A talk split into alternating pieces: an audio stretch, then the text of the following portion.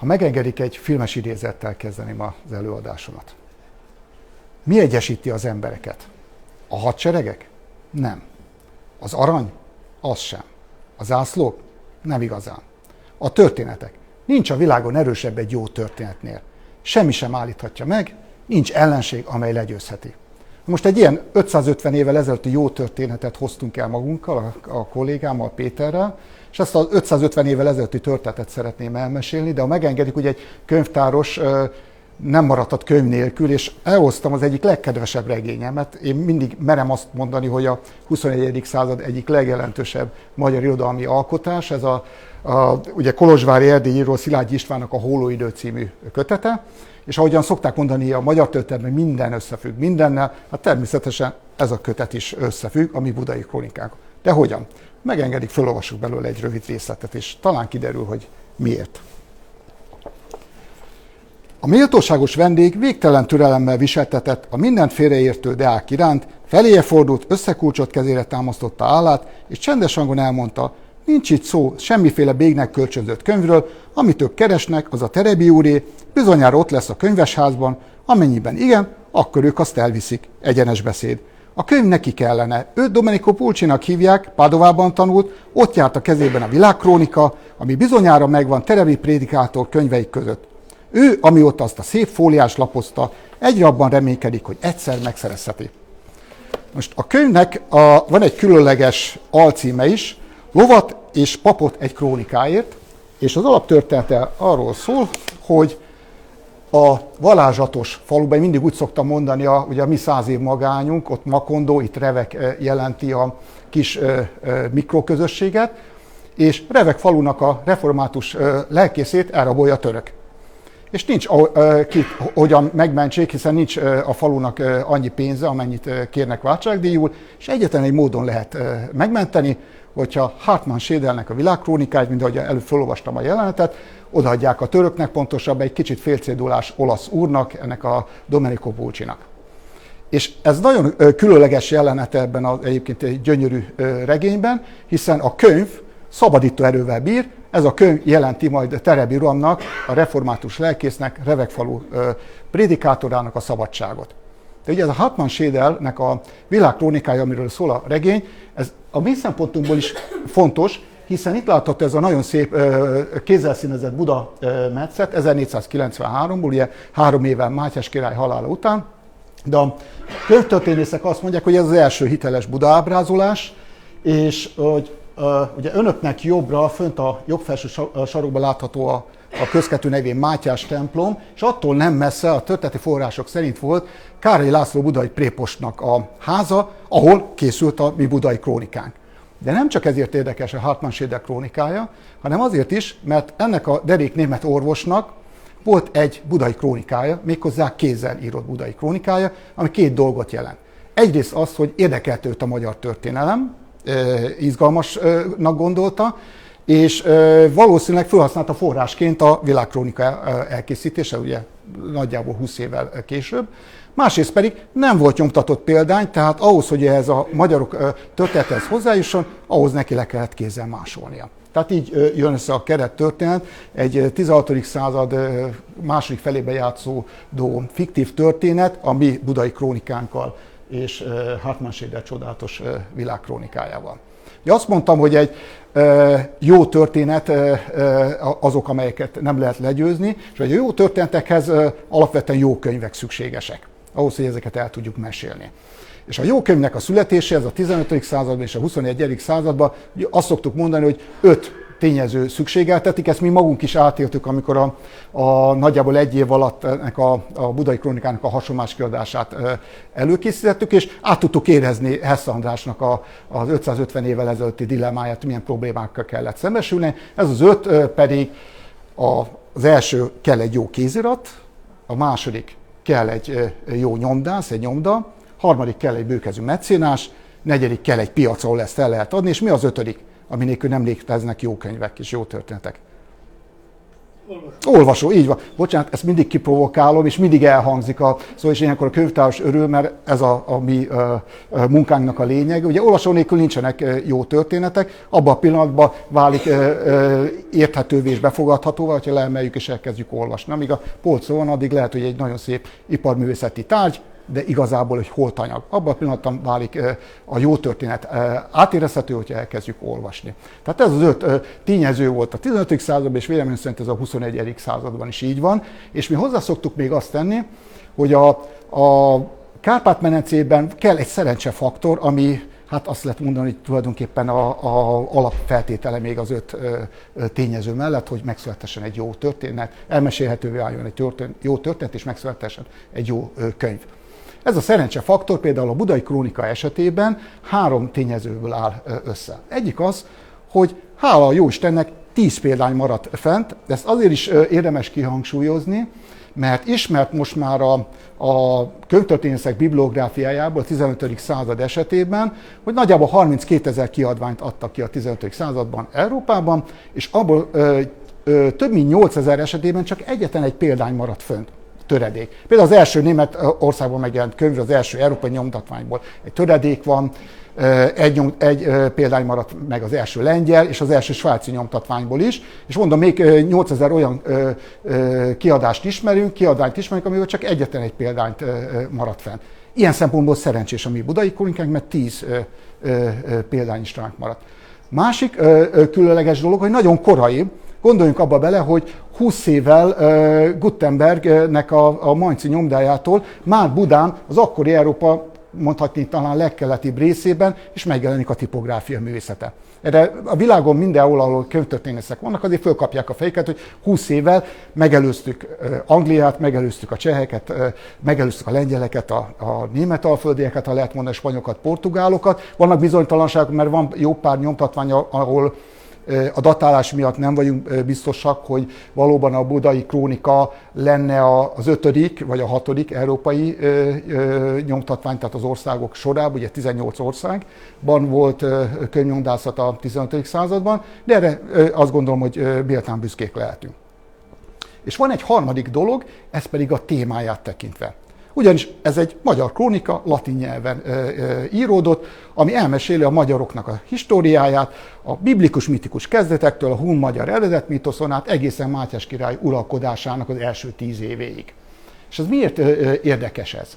Ha megnézzük az első kiadványoknak a témáját, bárhol, akár a Gutenberg kiadványokat, akár francia, német, olasz országban, hogy a nyomdák mit adtak ki legelőször, sehol se látunk nyomtatványokat, sem Hess előtt, sem Hess után. Tehát elmondhatjuk azt, hogy a mi budai krónikánk unikális ebből a szempontból a 15. századi Európájában, mert nem tudunk arra példát, hogy egy népnek, egy nemzetnek a, a, a tipográfiája egy olyan művel kezdődne, amelyik elmeséli annak a népnek a történetét.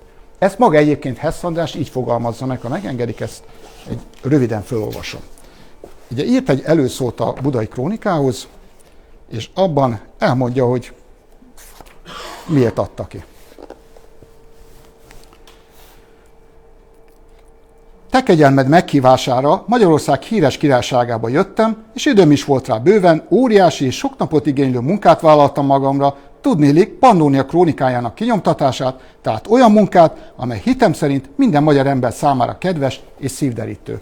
Tehát minden magyar ember számára kedves és szívderítő, azt lehet mondani, hogy egy 21. századi marketing zsenivel vagyunk, van dolgunk, hiszen mit mond? Azt mondja, hogy tudja azt, hogy mi kell a magyaroknak, történelmet, a saját népük történelmét kell kiadni, ez az egyik fontos dolog. Másrészt pedig a, szerintem az is egy különlegesség, hogy nincsen előtte ilyen típusú minta. Azt látta, ugye Rómából lett átsábítva, majd erről egy kicsit részletesebben, de el, nem volt előtte egy ilyen minta, hogy kérem szépen az első nyomtatványnak egy ilyen típusú munkának kell lenni. Miért? Vegyük például Gutenberget, az Európa nyomdászatnak a megteremtőjét. Szoktuk mondani, hogy az első magyar, a Európában nyomtatott könyv, vagy a leghíresebb e, e, első nyomtatott könyv, az a 42 soros Gutenberg Biblia. Viszont, hogyha megnézzük a, pontos adatokat, dátumokat, az előállításoknak a folyamatát, akkor a Gutenberg Biblia az a 9. vagy a 10. nyomtatványa volt Gutenbergnek, és ebbe pontosan beleilleszkedik az európai tipográfusoknak a kiadás politikájában, mert mit adtak ki először? Kiadtak búcsúcédulát, kiadtak kalendáriumot, kiadtak latin nyelvkönyvet, és ö, ö, kiadtak például, ö, ma, akkor úgy mondták, hogy Neue Zeitungok, hírlapok, ezek a régi, ezek a bulvárlapoknak az ősei, manapság akkor is ugyanígy volt, ugye most celebekről írnak ezek a bulvárlapok, akkor a királyfiról meg a királylányról, véres háborúkról, csatákról, amelyek azért valójában ugyanúgy, mint a búcsú cédulák, kalendáriumok, efemer alkotások voltak, tehát nagyon hamar eltűnt a, a, a, a az, hogy ö, ö, bocsánat, nagyon hamar eltűnt a, a varázsuk, tehát Például egy, egy hírlap esetében három-négy hét után már senki nem olvasta. Egy kalendárium a következő évben újat adtak ki. A latin nyelvtan volt talán az, amelyet még bizton olvastak, de azt meg széjjel olvasták, mint annak idején én gyerekkoromban a rejtőregényeket. Tehát ezek ezért tűntek. A búcsú cédulákról meg ne is beszéljünk. Tehát olyan maradandó alkotás, például egy biblia, az soha nem volt az elején, ugye Hess Andrásnál is egy történeti munka volt, de nem volt az jellemző, hogy történeti munkákat adjanak ki. Most nézzük akkor ezt az öt ö, faktort, hogy, hogy hogyan ö, lehetett elképzelni a 15. században egy, egy jó történetnek az eladását és egy jó történetnek a kiadását. Ja, mondtam az, hogy kellett egy jó kézirat, ugye egy latin nyelvű szöveg, és nagyon úgy tűnik, hogy ez a, a latin nyelvű szöveg, amely a magyaroknak a históriát mesélte el, ez egy az Anzsúk idején, a 14. században született krónika kompozíciók közül az egyik. Volt a képes krónika családja, és volt a budai krónika családja. Budai krónika családja egy kicsit szikárabb, vannak azonos részek, vannak eltérő részek a két krónika családból, de mind a kettő a magyaroknak a históriáját meséli el. Ilyen szempontból egy nagyon izgalmas, de középkori szövegnek lehet tekinteni. A másik, ugye a latint, ezt már külön kihangsúlyoztam, latin nyelvű, egy olyan szöveget adott ki Hess András, amit az egész Európában lehetett olvasni.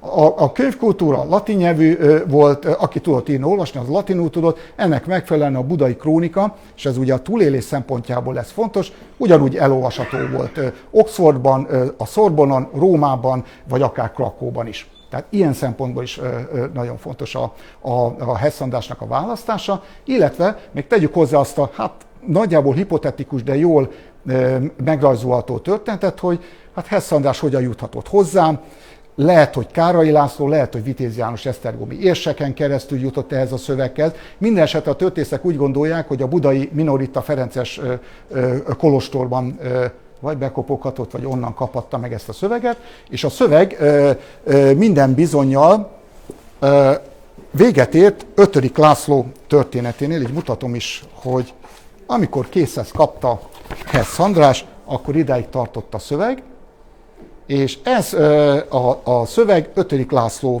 történeténél véget ért.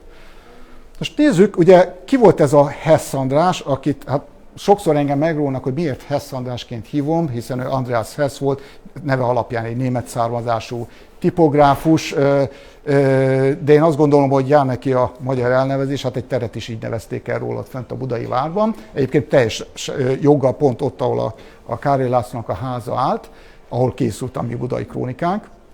És ez a Hess András valamikor az 1460-as évek végén Róbáma bent kitanulta a, a tipográfia mesterségét, és 1470-ben volt egy fantasztikus találkozása.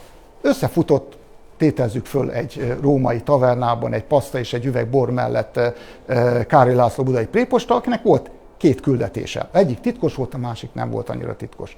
Ami nem volt annyira titkos, az Mátyás királynak a megbízása volt, miszerint neki a, a Mátyás király mellé kell állítania a pápát, a cseh háborúban, hiszen akkor folyik a, a cseh háború Mátyás és Podegyár György között, és ugye szeretné megszerezni a, a cseh királyi trónt.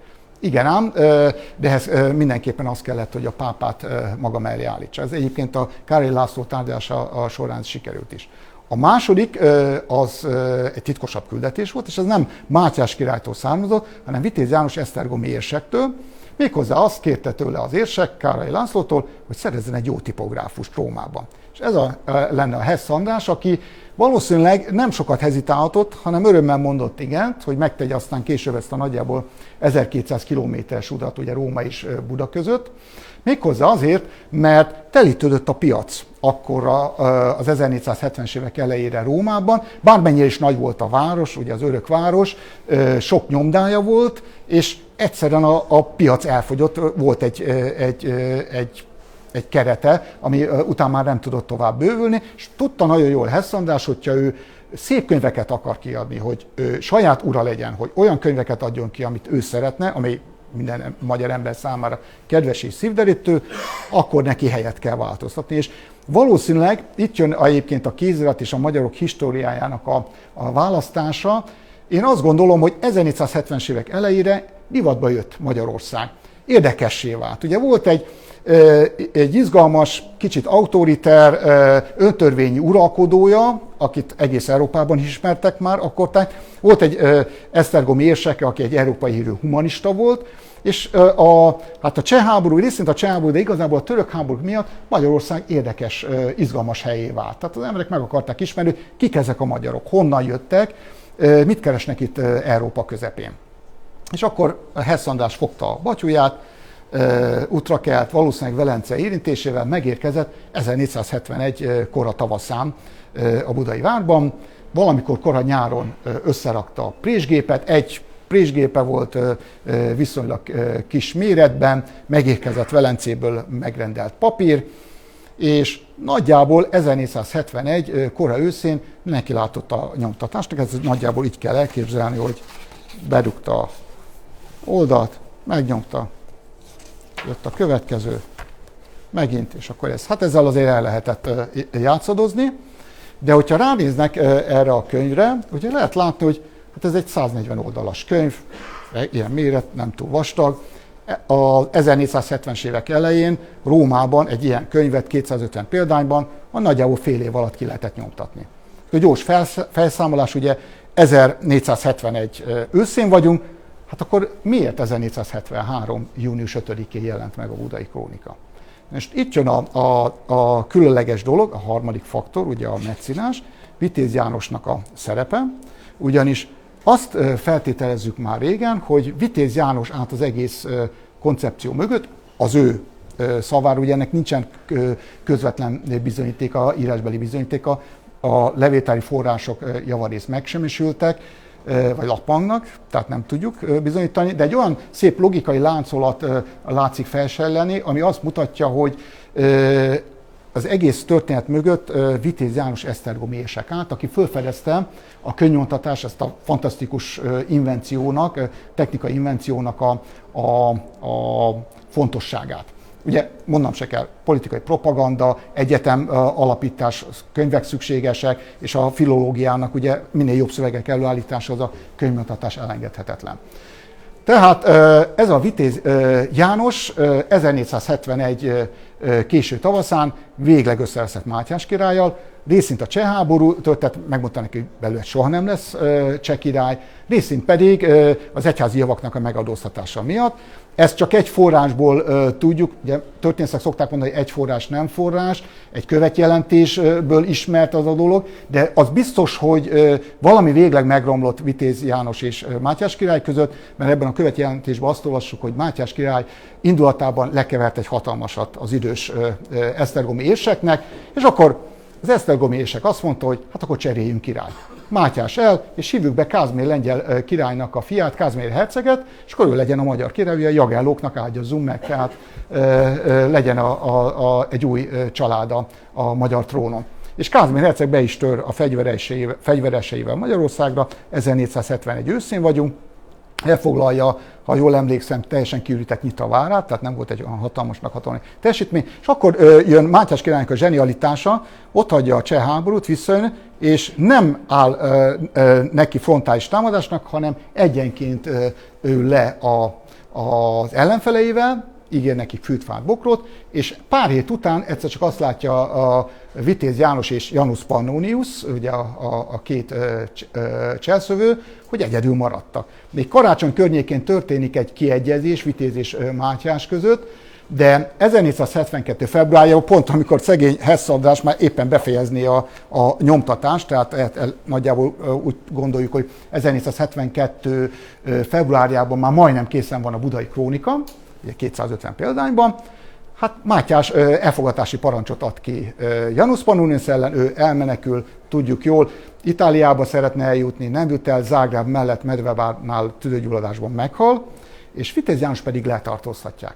És ott van Hess András, egy majdnem kész budai krónikával 1472. március elején, és a legnagyobb mentora, Vitéz János, aki valószínűleg az egészet pénzelte, házi fogságban van, és ugye ott is hal meg 1472. augusztusáig.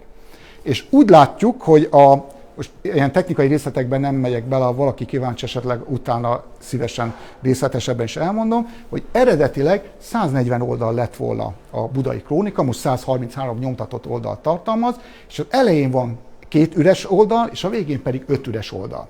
Méghozzá azért, és ez Borsa Gedeon, ugye lehet mondani a mi Rigi könyves szakmánknak a duájenje, tavaly hagyott itt bennünket 99 éves korában, vagy hát már századik életévében, és a Gida bácsi 30 évvel ezelőtt rájött arra, hogy a budai krónika elején, ahol most két üres oldal van, 550 évvel ezelőtt ott volt két nyomtatott oldal, méghozzá Vitéz Jánosnak az előszava a magyar olvasókhoz. Amiben valószínűleg nem csak azt mondja, hogy miért érdemes könyvet olvasni, miért érdemes könyveket kiadni, hanem valószínűleg a politikai tartalmú része is volt ebben. Ugye a, van arra a, a, utalás, hogy a a, ez a Kázmér herceg egy proklamációt ad ki Mátyás ellen, ami rendkívül durva hangvételű, és ott szúr bele Mátyásnak legitimáció, szálma, családi számlás, stb., ami legjobban fáj. Ez nyilvánvalóan nem a Kázmér hercegtől jött, hanem a filológusok szerint ez maga Vitéz János szövegezte, vagy Janus Pannonius. Tehát ennek megfelelően valószínűleg ez az előszó is tartalmazott ilyen politikai szöveget, és ott volt Hess András, kinyomtatva 250 példányban, aminek az elején ugye ott van a, ez a vitéz előszó. Tudom, hogy nem szabad 20.-21. századi történeti analógiákat mondani, mert ezek mindig sántítanak, de ha szabad, visszaélek ezzel a dologgal. Ezt úgy képzeljük el, mint hogyha 1959-ben megjelenik a Kossuth könyvkiadónál, 56-os szabadság, forradalmi szabadság az története Nagy Imre előszavával. Ugye ezt viszonylag nehéz nekünk elképzelni. Na, ez is így, így ugye a legnagyobb politikai ellenfelének a szövege szerepel. És ugye az történik, mint már mondtam, ott 1472. februárjában, amikor végleg letasztott, letasztott, letartóztatják Vitéz, itt abba hagyja a, a Hess a nyomtatást, és marad neki még hat üres oldala. Ugyanis tudjuk jól, hogy a, az utolsó füzet ennyi terjedelmű lett volna, és arra nem kerül nyomtatott szöveg, hanem vár egy évig, és 1473 tavaszán vesz egy mély levegőt, és azt mondja, hogy ez nem lehet, hogy ne nyomtassam ki az első magyar könyvet, hát meghozom a szükséges kompromisszumokat, én szerintem nagyon helyesen, kiveszi a 250 példányból a, az előszót, ezt az inkriminált előszót, és a, annak a levélpárjával, egy picit ezt meg is mutatom, és tényleg ezt körbe is adom, mert van nekem egy munkapéldányom, amivel dolgoztam, és ezt mindjárt egy ez a kúdában lévő dolog, és ugye ezen egy nyomtatott szöveg át, és ennek volt egy nyomtatott párja. És ezt kiveszi 250 példányban, és akkor a, a nyomtatott szöveg már csak erre kerül. Tehát újra nyomtatja. Ez betűt kopásokból tudjuk ezt, hogy a, ez lett az utolsó nyomtatott szöveg. Ezt én közben, amíg én beszélek, hogy ez ne legyen olyan unalmas, ezt körbe is adom, és vegyék a kezükbe, de ezt majd kérem vissza. És és a végét pedig hát be kell fejezni a histórián, és valószínűleg ugye ott hat ö, oldalnyi ö, szöveg át volna Mátyás király visel dolgai, ami valószínűleg nem az lett volna, hogy az a Mátyás kép, ami a, a, aztán a, a 1470-es, 80-as években volt Magyarországon. Ugyanis van egy több árulkodó jel, például az, hogy itt az utolsó fejezetnek a címe az, hogy Mátyás király koronázásáról. Tehát nem csak Mátyás király koronázásáról van szó, hanem a utána lévő tíz év történetét is elmeséli, és hát utána jön öt üres oldal. Tehát valószínűleg a papír rendkívül drága volt, a, majd beszélek a, a büdzséről is, az 50%-a volt a, az előállítási költségnek. Amikor ő megtervezte, megtervezte a tipográfiáját, akkor ő pontosan tudta betűre leszámolva, hogy mennyi papírra lesz szüksége. És ezért, igen, látom 5 percem van hátra, hogy ezért neki át kellett gondolni a dolgot, és akkor hát szépen összecsapja Mátyás király történetét, és ezt a tíz év históriát összesűríti itt hát, körülbelül 20 sor, sorba. És ezzel lezárja a történetet. Persze aztán mondja azt, hogy majd ha lesz ideje, akkor Mátyás királyról is fog majd nyomtatni valami szép könyvet, de ez soha nem történik meg, vagy nem marad fönt. És akkor mondtam, ugye volt a piac meg a büdzsé, akkor csak röviden, hogy ne éljek vissza a türelmükkel, ugye 100 aranyforint volt a, a számításaink szerint a budai kronikánk az előállítási költsége, 50 aranyforint volt a papír, 25 aranyforint volt durván a, a présgép, 15 aranyforint volt a segédnek a, a, az éves bére, és a többi meg elment gyertyára a fűtésre, mert a Koszkvátét, ott ugye valamelyik piros tetejű házban készült a budai krónika, az ingyen kapta Károly Lászlótól. Mit jelentett az a 100 aranyforint? 100 aranyforintért egy szép házat lehetett venni itt a, a Duna a, a jobb partján Budán. Tehát az egy jelentős összeg volt. És hogyha eladta a mindegyik példány, most amit itt körbeadok, ez a Krúdában lévő könyv, ezt kiszámolták már a 1930-as években, egy aranyforintba került, hogyha be volt itt szépen kötve, fatáblával rubrikálták is, akkor az két aranyforint. Mennyit érhetett egy aranyforint? Hát a Mátyás király fekete seregében egy lovas katonának a havi zsótja az 5 aranyforint volt, egy gyalogosnak 3 aranyforint, és egy béresnek a havi bére 1 aranyforint. Ennek megfelelően, hogyha lefordítjuk, és a, mondjuk a, még egy jó mérőarány, egy ökörnek az ára, amit egy béres a havi béréből meg tudott venni, egy aranyforint volt. Ugye a nagymamám annak egy azt mondta, hogy nem egy ökör ára, amire azt mondta, hogy nem volt. Ugye lehet mondani azt, hogy a mi budai kronikánk egy ökör ára volt, hogyha nem volt ilyen szépen bekötve, hanem csak így. És nagy, ugye akkor az utolsó, és akkor az utolsó gondolat, ugye az olvasók, tehát tudjuk, hogy tíz példány maradt fönt belőle, Egyet használtak végig a Kárpát-menencében, ez felvidéken őrizték, ez volt a szerencse, és valószínűleg a kilenc példány azért maradt meg, mert ideje korán is Mohács előtt kikerült az országból. És ez a mi szerencsénk, mert itt maradt volna az országban, akkor ugyanúgy elpusztultak volna, mind a valószínűleg a többi 200 valamennyi, amit kinyomtatott Hess, és Hát ez a nagy szerencsénk. Azt lehet látni, hogy Európában kedvelték, nagyon sok marginális bejegyzések vannak, vannak közöttük humorosak, szép tórajzokkal. Tehát lehet látni, hogy még a 16-17. században is keftelve a Tulóci krónika mellett nagy örömmel olvasták a budai krónikának a szövegét szerte Európában, de hát legfőképpen azért lehet mondani, főleg a régióban, tehát csehek, lengyelek, németek, osztrákok használták ezt a kötetet akkor nekem az időm lejárt, köszönöm szépen türelmüket.